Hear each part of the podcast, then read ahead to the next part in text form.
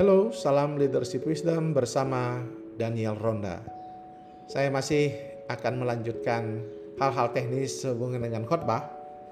Uh, saya senang kalau saudara-saudara terus malah bertumbuh dan walaupun mungkin saudara sudah pernah belajar homiletika, tetapi ketika saudara uh, mengerti prinsip khotbah yang baik adalah ketika saudara terus-menerus uh, secara rutin mengulang kembali uh, teori-teori bagaimana menyusun khotbah. Laksana seorang pilot yang setiap enam bulan atau setahun sekali dia harus memeriksa kembali manual books tentang cara-cara mengoperasikan pesawat walaupun dia seorang yang sudah mahir menerbangkan pesawat bertahun-tahun tapi dia harus kembali memeriksa manual books daripada pesawat itu dan diuji kembali. Begitu pula kita sebagai hamba Tuhan, mungkin sudah bertahun-tahun kita berkhotbah. Berkhotbah adalah hal yang biasa bagi kita, tapi sudah sewajarnya kita memeriksa kembali uh, manual books kita, memeriksa kembali khotbah kita, dan mengevaluasi masihkah khotbah kita efektif, masihkah relevan, masihkah kita uh, dapat uh, dipakai Tuhan terus untuk mempengaruhi orang-orang di sekitar kita. Jadi kita perlu evaluasi, kita perlu belajar, dan kita perlu memeriksa kembali. Jadi saya harap podcast ini uh, walaupun mungkin saudara berkata, ah saya sudah tahu, saya sudah dengar, saya sudah belajar, tapi alangkah baiknya saudara terus uh, sewaktu-waktu kembali memeriksa khotbah saudara. Nah, hari ini saya akan berbicara tentang topik khusus yaitu tentang bagaimana menafsir Alkitab dengan baik. Sebagaimana kita ketahui bahwa khotbah adalah menjadikan Alkitab sebagai sentral. Nah, kalau bukan Alkitab yang sentral itu bukan khotbah namanya, itu pidato atau public speaking atau orasi atau seorang orator atau motivator dia sedang berbicara uh, di depan publik uh, tetapi tidak menjadikan Alkitab sentral sedangkan khotbah atau homiletika adalah berbicara tentang bagaimana Alkitab menjadi sentral di dalam uh, mimbar Nah, itulah yang disebut khotbah. Sehingga firman Tuhan itu menjadi sentral. Sehingga ada yang bertanya, mengapa firman Tuhan itu menjadi sentral? Karena kita percaya bahwa firman Tuhan ini dapat uh, menjadi alat di tangan Tuhan untuk orang dapat mengenal keselamatan. Karena dalam Roma 10 ayat 13 sampai 14 kita bagaimana Injil keselamatan itu bisa didengar uh, kalau tidak ada yang memberitakan jadi kita harus memberitakan. Nah, jadi firman Allah sentral supaya orang-orang bisa mengenal Kristus dan dapat diselamatkan. Yang kedua, memang firman Allah itu merupakan makanan rohani. Dia adalah roti kehidupan. Yesus sendiri mengatakan itu dalam Yohanes pasal 6. Jadi, dia adalah makanan rohani bagi jemaat. Kemudian firman Tuhan itu juga adalah petunjuk bagi kehidupan orang percaya. Mazmur 119 banyak sekali berbicara itu, terutama ayat 105. Firmanmu telah berita bagi kakiku dan terang bagi jalanku. Dia selalu menjadi petunjuk, pedoman, guidance. Ya. Yang keempat memang Alkitab adalah senjata rohani. Baik kita membaca dalam Efesus pasal 6 maupun Matius pasal 4 ayat 1 sampai 11 ketika Yesus berhadapan dengan iblis. Jadi dia adalah senjata rohani bagi orang percaya. Kemudian juga adalah janji penyertaan Tuhan yang luar biasa. Semuanya ada di Alkitab. Dan yang kelima Alkitab sentral karena dia fondasi semua keputusan-keputusan organisasi, semua pengajaran, semua doktrin, semua berlandaskan Alkitab. Jadi kalau kita membaca, saya ambil ini dari Bapak Hasan Sutanto dalam bukunya Hermeneutik, Prinsip dan Metode Penafsiran Alkitab yang diterbitkan oleh Saat uh, Malang maka kita akan menemukan di situ mengapa Alkitab itu sentral. Saya meringkaskan apa yang menjadi pandangan yang saya sebutkan tadi.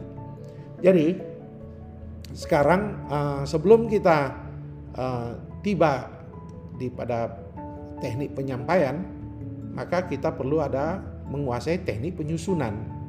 Jadi homiletika itu ada dua bagian. Teknik penyusunan khotbah dan teknik penyampaian khotbah. Dua. Dua hal yang menjadi tak terpisahkan. Ada orang pandai menyusun tapi tak pandai menyampaikan. Ada orang yang pandai menyampaikan tapi tak pandai menyusun. Dia hanya membuat garis besar, kadang-kadang di Alkitabnya hanya ada aja tulis poin satu, poin dua, poin tiga. Nah, waktu dia naik mimbar dia mulai sangat uh, pasti berbicara, tetapi akhirnya kalau kita lihat ya dia akan menggunakan hanya keterampilan orasinya saja. Nah, jadi kita harus melihat homiletika itu ada dua proses, proses penyusunan dan proses penyampaian. Nah, dalam proses penyusunan maka kita kita sebut dengan itu metode bagaimana menguasai teknik menafsir Alkitab dengan baik. Tapi kalau hermeneutika hanya tiba pada penafsiran, pembukaan makna, tapi dalam homiletika bagaimana dalam menyusun bukan hanya membuka makna, bukan hanya mencari tahu artinya, mengeksegesis, mengekspos keluar maknanya, tapi bagaimana kita juga menerapkannya dalam kehidupan kita orang percaya. Nah, di dalam uh, kita berkhotbah, kita perlu memiliki prinsip basic. Ya, jadi yang saya sampaikan sekarang lebih kepada hal-hal yang bersifat basic. Kalau kita mau menafsir Alkitab, uh, menurut uh, M. Turner dan uh, Cottrell dalam bukunya Linguistics and Biblical Interpretation dari IVV Intervarsity Press dia mengatakan yang pertama itu teks ya artinya kalau uh, saudara-saudara diminta untuk membaca teks apa menguraikan teks maka dalam persiapan itu bacalah teks itu berkali-kali cobalah mengerti apa teks itu dan paragraf itu yang kita mau khotbahkan jadi kita harus membaca teks sampai kita mengerti dan menemukan kebenaran-kebenaran yang ada di dalamnya. Yang kedua katanya adalah konteks. Penting sekali konteks. Artinya kita pelajari uh, hubungan ayat yang di atasnya dan di bawahnya. Karena setiap uh, ayat memiliki korelasi kecuali mungkin dalam kitab-kitab literatur hikmat, genre Amsal tapi dalam genre surat seperti Paulus dan juga Injil atau kitab-kitab uh, sejarah di dalam perjanjian lama, dia memiliki di bawah dan di atas ada hubungan berkorelasi. Jadi kita harus pelajari yang di atas dan di bawah supaya jangan memisahkan itu supaya tidak uh, rancu maknanya.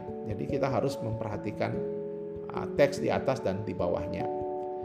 Dia mengatakan yang ketiga adalah konteks. Nah, perlu pelajari latar belakangnya, sejarahnya, uh, historisitasnya daripada teks yang dibahas ya. Misalnya kita mau membahas Roma 12 ayat 1 sampai 2 ya. Dikatakan uh, kita harus mempersembahkan tubuh kita sebagai persembahan yang kudus dan berkenan kepada Tuhan maka teks itu kita baca berulang-ulang sampai maknanya jelas. Kemudian konteks artinya kita periksa pasal 11. Kita perasal berikutnya ternyata ini soal hal-hal yang aplikatif. Lalu konteksnya apa? Situasi jemaat Roma. Kita pelajari latar belakang sejarah jemaat Roma, situasi jemaat Roma, kondisi jemaat Roma, latar belakang keagamaan sosiologisnya. Nah, di situ kita menemukan kebenaran Nah, dari situ kita akan menemukan poin-poinnya. Jadi dari situ kita akan menemukan poin-poin dari teks itu. Nah, uh, saya ingin tambahkan lagi uh, dari pandangan saya, bagaimana menemukan poin hanya berdasarkan teks, koteks, dan konteks. Maka ketika kita membaca Alkitab, uh, teks yang kita baca, saya berharap yang pertama-tama saudara membaca berbagai versi Alkitab ya, baik dalam bahasa Indonesia maupun dalam bahasa Inggris jika saudara bisa mampu. punya akses untuk membahas uh, membaca apa memiliki bahasa Inggris. Nah, uh, ada di uh, apps uh, teknologi kita, digital kita di HP kita atau di laptop kita namanya U version, Bible U version. Ada bahasa Indonesia-nya dan berbagai versi. Ada juga dalam bahasa Inggris berbagai versi. Itu menarik. Itu harus kalian uh, saudara-saudara miliki supaya saudara bisa melihat kekayaan daripada makna daripada teks itu. Lalu saudara bisa melihat concordance, leksikon untuk melihat, memahami arti teks untuk memperkaya pemahaman saudara terhadap teks. Lalu yang kedua, tentu uh, tambahan ini bagaimana konteks, teks, konteks dan konteks itu dipahami. Yang saya pahami adalah usahakanlah mengerti latar belakang sejarah.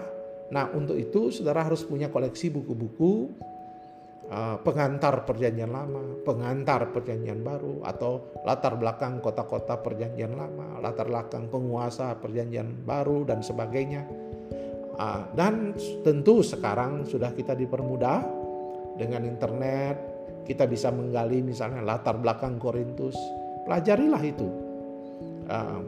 Setiap kali tiba di pelajaran kitab Korintus, ulang lagi baca. Kenapa saudara? Supaya saudara hafal, ingat. Semakin jam terbang khotbah saudara tinggi, semakin saudara kuasai. Oh, begitu tiba di Roma, saudara ngerti latar belakangnya. Begitu saudara di Korintus, saudara ngerti latar belakangnya. Diulang-ulang saudara. Ya, perlu melihat latar belakang sejarahnya, historisitasnya, mengapa surat ini ditulis, ya siapa penerimanya, apa kondisi keadaannya. Nah, itu mudah sekarang. Banyak bahan di internet, praise the Lord ya, puji Tuhan ya. Mudah sekali kita mendapatkan bahan-bahan itu. Lalu tentu kita harus ingat, kita harus ingat teologi sangat mempengaruhi cara menafsir. Itu sebabnya kita harus ingat apa pandangan saudara uh, teologi saudara terhadap Alkitab harus ingat, kita harus punya teologi yang benar bahwa Alkitab adalah firman Allah. Dan ingat, eh, yang paling penting juga bagaimana kita uh, waktu kita menafsir, kita juga memperhatikan dua konteks budaya. Budaya barat, eh budaya maksud saya budaya Alkitab dan budaya kita. Jadi jangan bias dengan budaya barat karena dalam tafsiran kadang-kadang itu sudah dipengaruhi oleh budaya barat. Jadi kita perlu uh, teks budaya uh, Alkitab, lalu kita coba perhatikan budaya Indonesia sehingga kita bisa um, mengambil makna teks itu lalu kita bisa mengaplikasikannya. Nah, itulah kira-kira uh, yang penting dalam uh, kita menyusun khotbah. Jadi dalam kita belajar khotbah, ingat menyusun khotbah sesuatu yang sangat-sangat penting. Jangan pernah dilalaikan. Jangan hanya mengandalkan kemampuan orasi, kemampuan orator kita dalam menyampaikan firman. Kita perlu mendesain khotbah dengan sebaik-baiknya. Dan itu dimulai dari penafsiran yang baik dan benar. Tuhan kiranya memberkati pelayanan saudara. Salam.